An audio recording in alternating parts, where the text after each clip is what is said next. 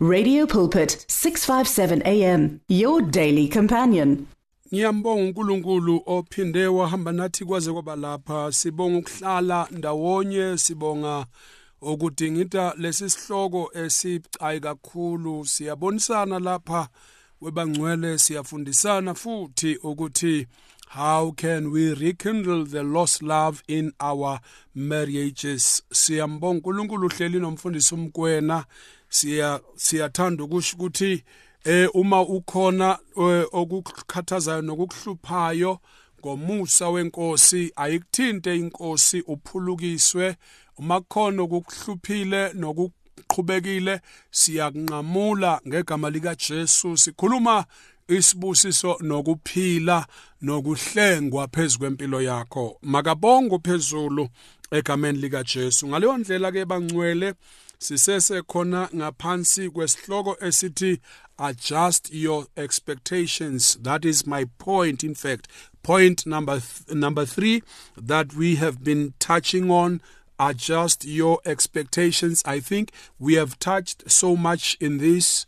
Um uNkulunkulu uyosisiza ukuthi si sithole ukuqonda sithole ukuhlakanipha ngakho konke esesikuthintile. Ngisasho namanje ukuthi asiqonde kuhlasela muntu kodwa ngalokhu siveza izinto ezibaluleke ngeyona ndlela futhi ezinye zazo asizinaki kangako ngoba siyaye siphile nje siqhubeke nempilo silimaze esibathandayo singanakile. Kwesinye isikhathi asibalimazi ngoba siqonda ukubalimaza.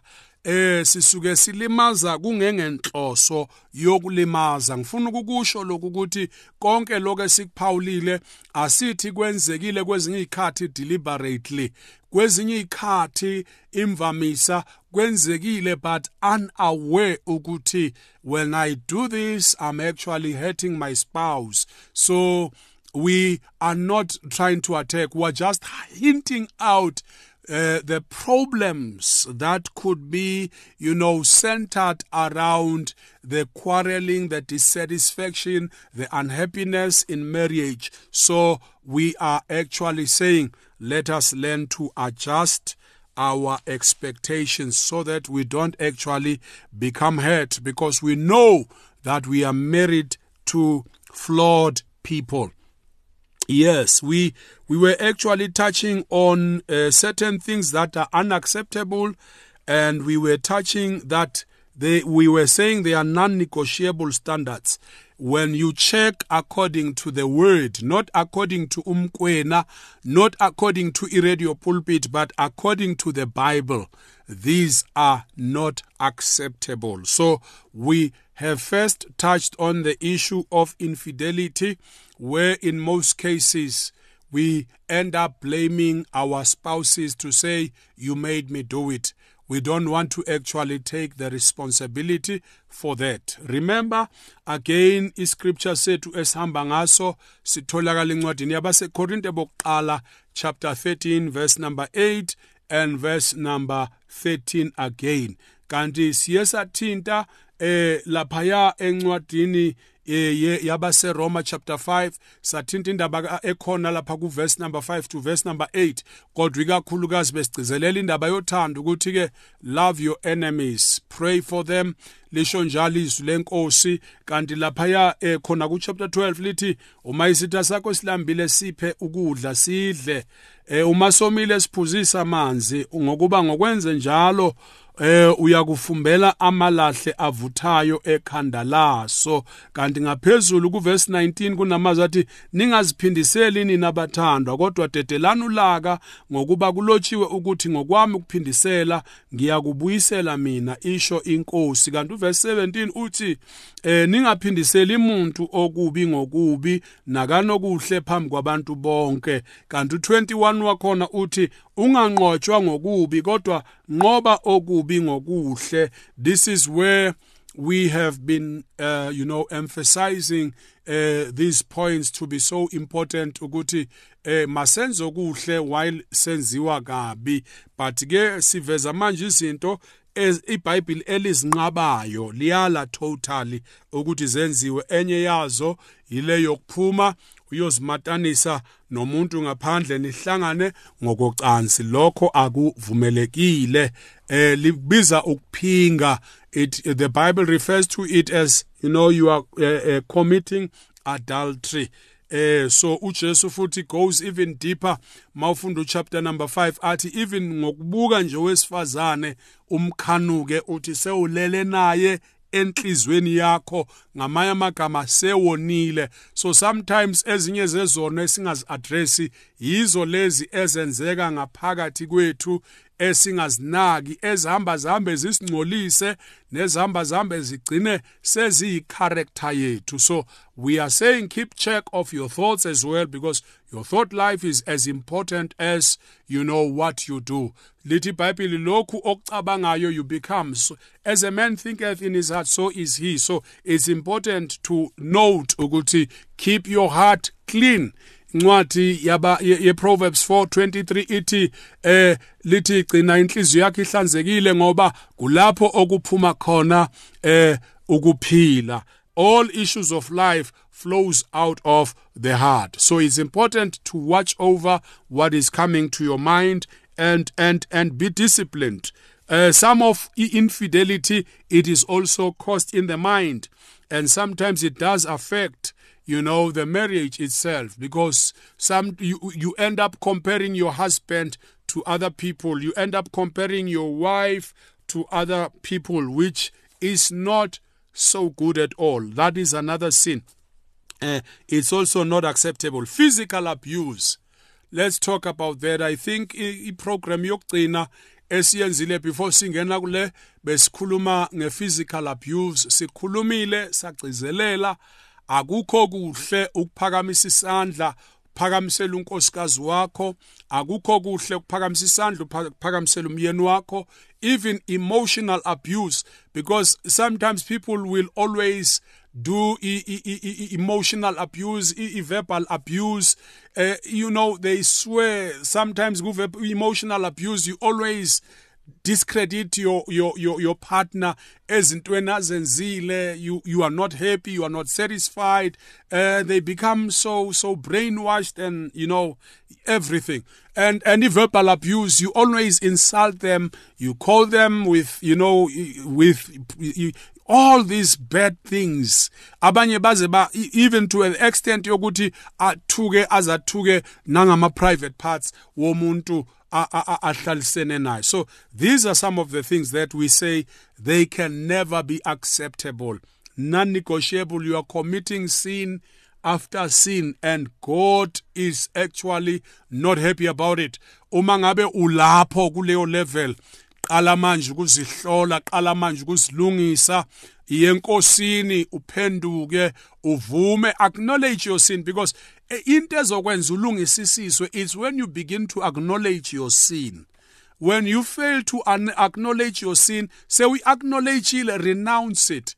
And and and and cut any ties with it. Pray to cut ties with it.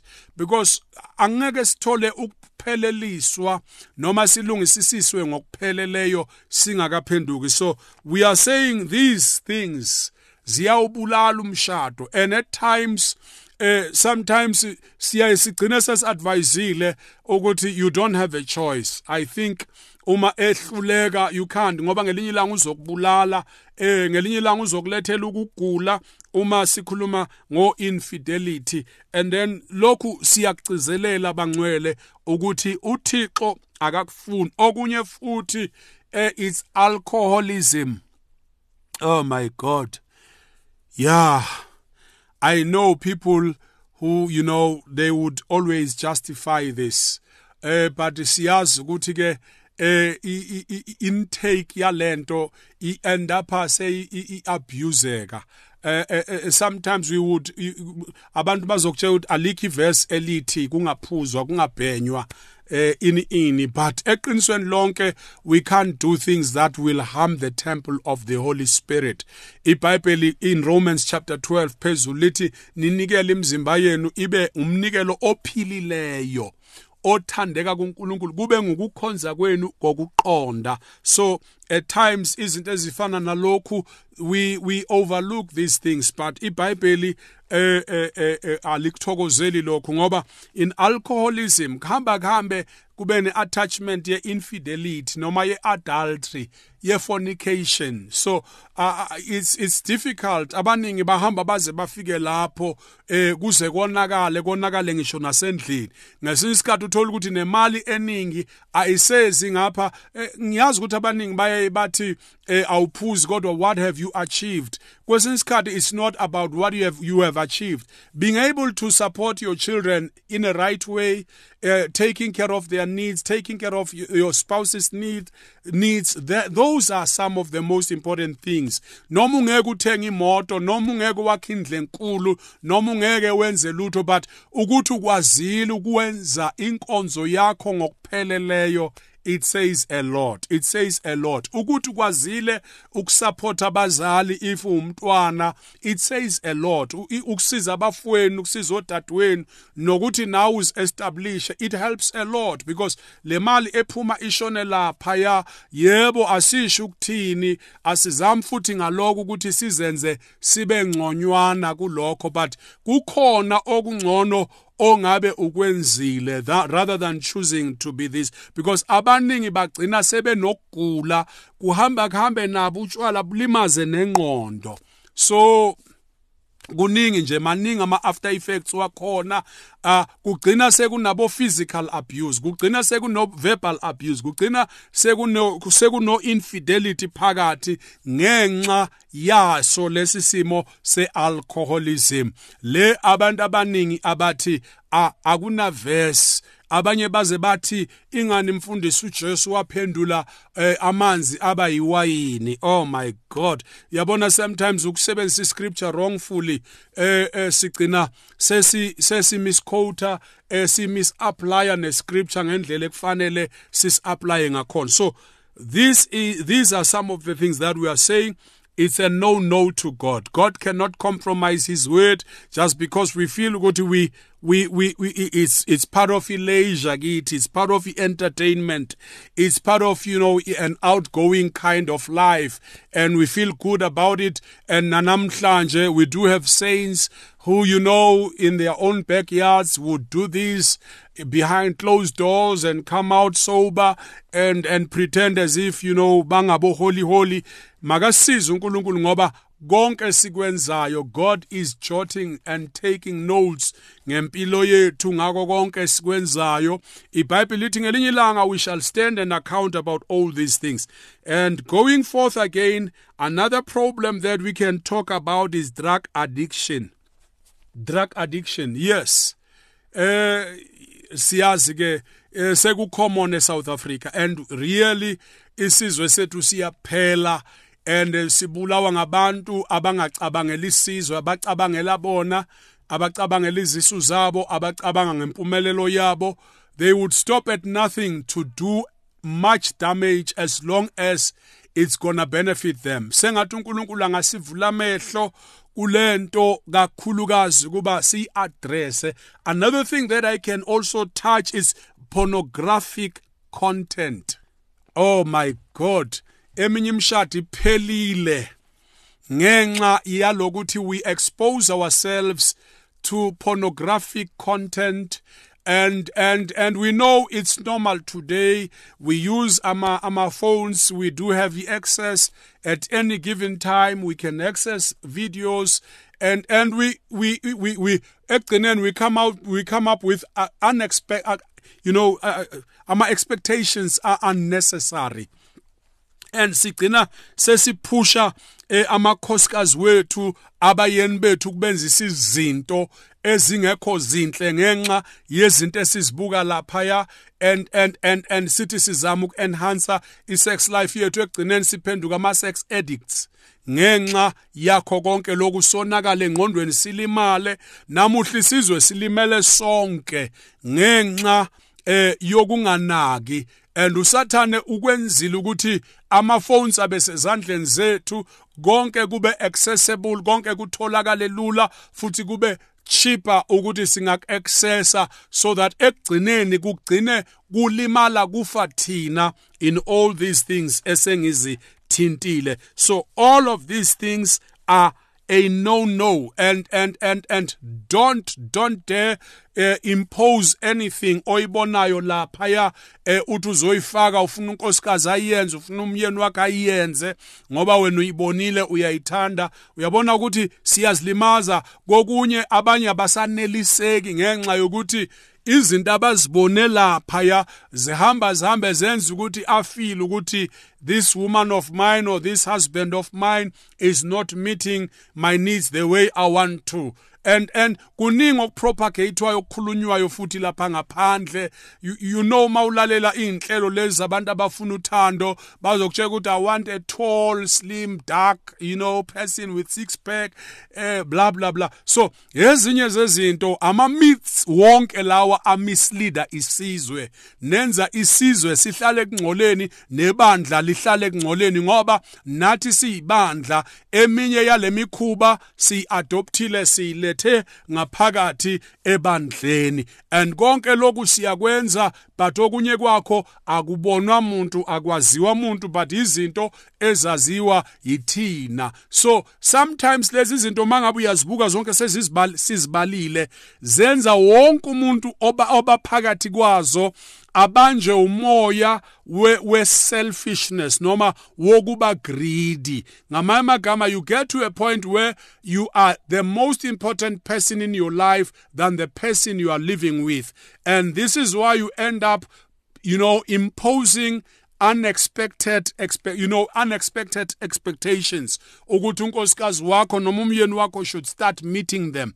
Because of the way you you have carried yourself. Awuzange uhlale phansi ufunde izwi ukwazi ukuthi i need to be a one one woman a person or a one man person mangithathiwe lo baba ngithembeke kulo baba mangithathi ngithathe lo mama ngimsukele ngathi ngiyamthanda angikwazi kumletha ngimphathisa stress ngimhluphe ngimkhathaze ngiqede intokozo yakhe kanti mhlambe labe kakhona khona ebehleli kahle kakhulu so i need to be considerate ukuthi I brought her over. I, I choose him over every other person out there. Namhlanje I'm saying this so makasincede kakhulu uNkulunkulu ke. Asiqhubeke ke sesikuvezile konke lokhu sizama ukuthini? Kwesinye isikhathi konke lokhu kuyayiphula imishado kuyayiqeda imishado ngenxa yokuthi aba abenzi balezi zinto bazicabangela bona more than their partners. Baziconsidera bona important in their lives more than their partners. These things they eh, sometimes zenza nabantwana bethu bangabaluleki emehlweni ethu. Kubaluleke our own happiness our own fulfillment and bese sigcina sesona kuNkulunkulu ngenxa yokuthi we have become so self-centered. We are so caught up in ourselves and we you know everything is no longer revolving around us as partners, but everything revolves around me as a person. It's what I need most, and it's what is important to me. Only if she can do one, two, three, then all is well. But failure to do so, magakhohlwe. So these are some of the things that we are actually facing. And zinobungozi bokuthi umshado zibuqede. So accepting behaviors that crosses the line does not promote a healthy relationship. So sithi ke sithini ke lapha ukuthi sivumelane nalezi zimo esesizibalile zonke.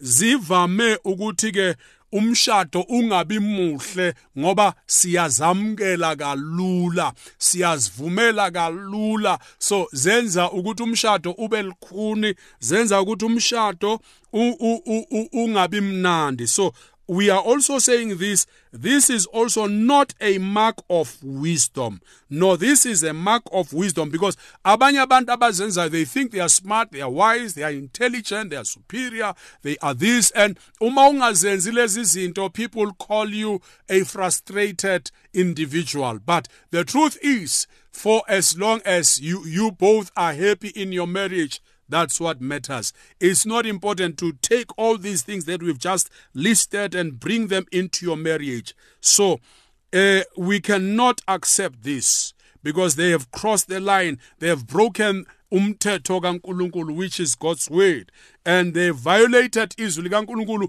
ngandlela zonke and they cannot so we are saying it's not important ukuthi ukwamkele lokhu mangabe uhleli nalezi zimo fight these things because these are enemies that can always come to destroy. Umshado wakho uma ungeke wavuka. Asime lapha ke wabangcwele fundisa umkwena uyanithanda kakhulu emakhaya. Ngiyathemba niyabusiseka ngazo zonke inhlelo zethu. Inkosi yomusa isibusise thina sonke. Amen. The words of the Lord are words of life. Your heart is on 657 AM. 657 AM. Radio for believers in action.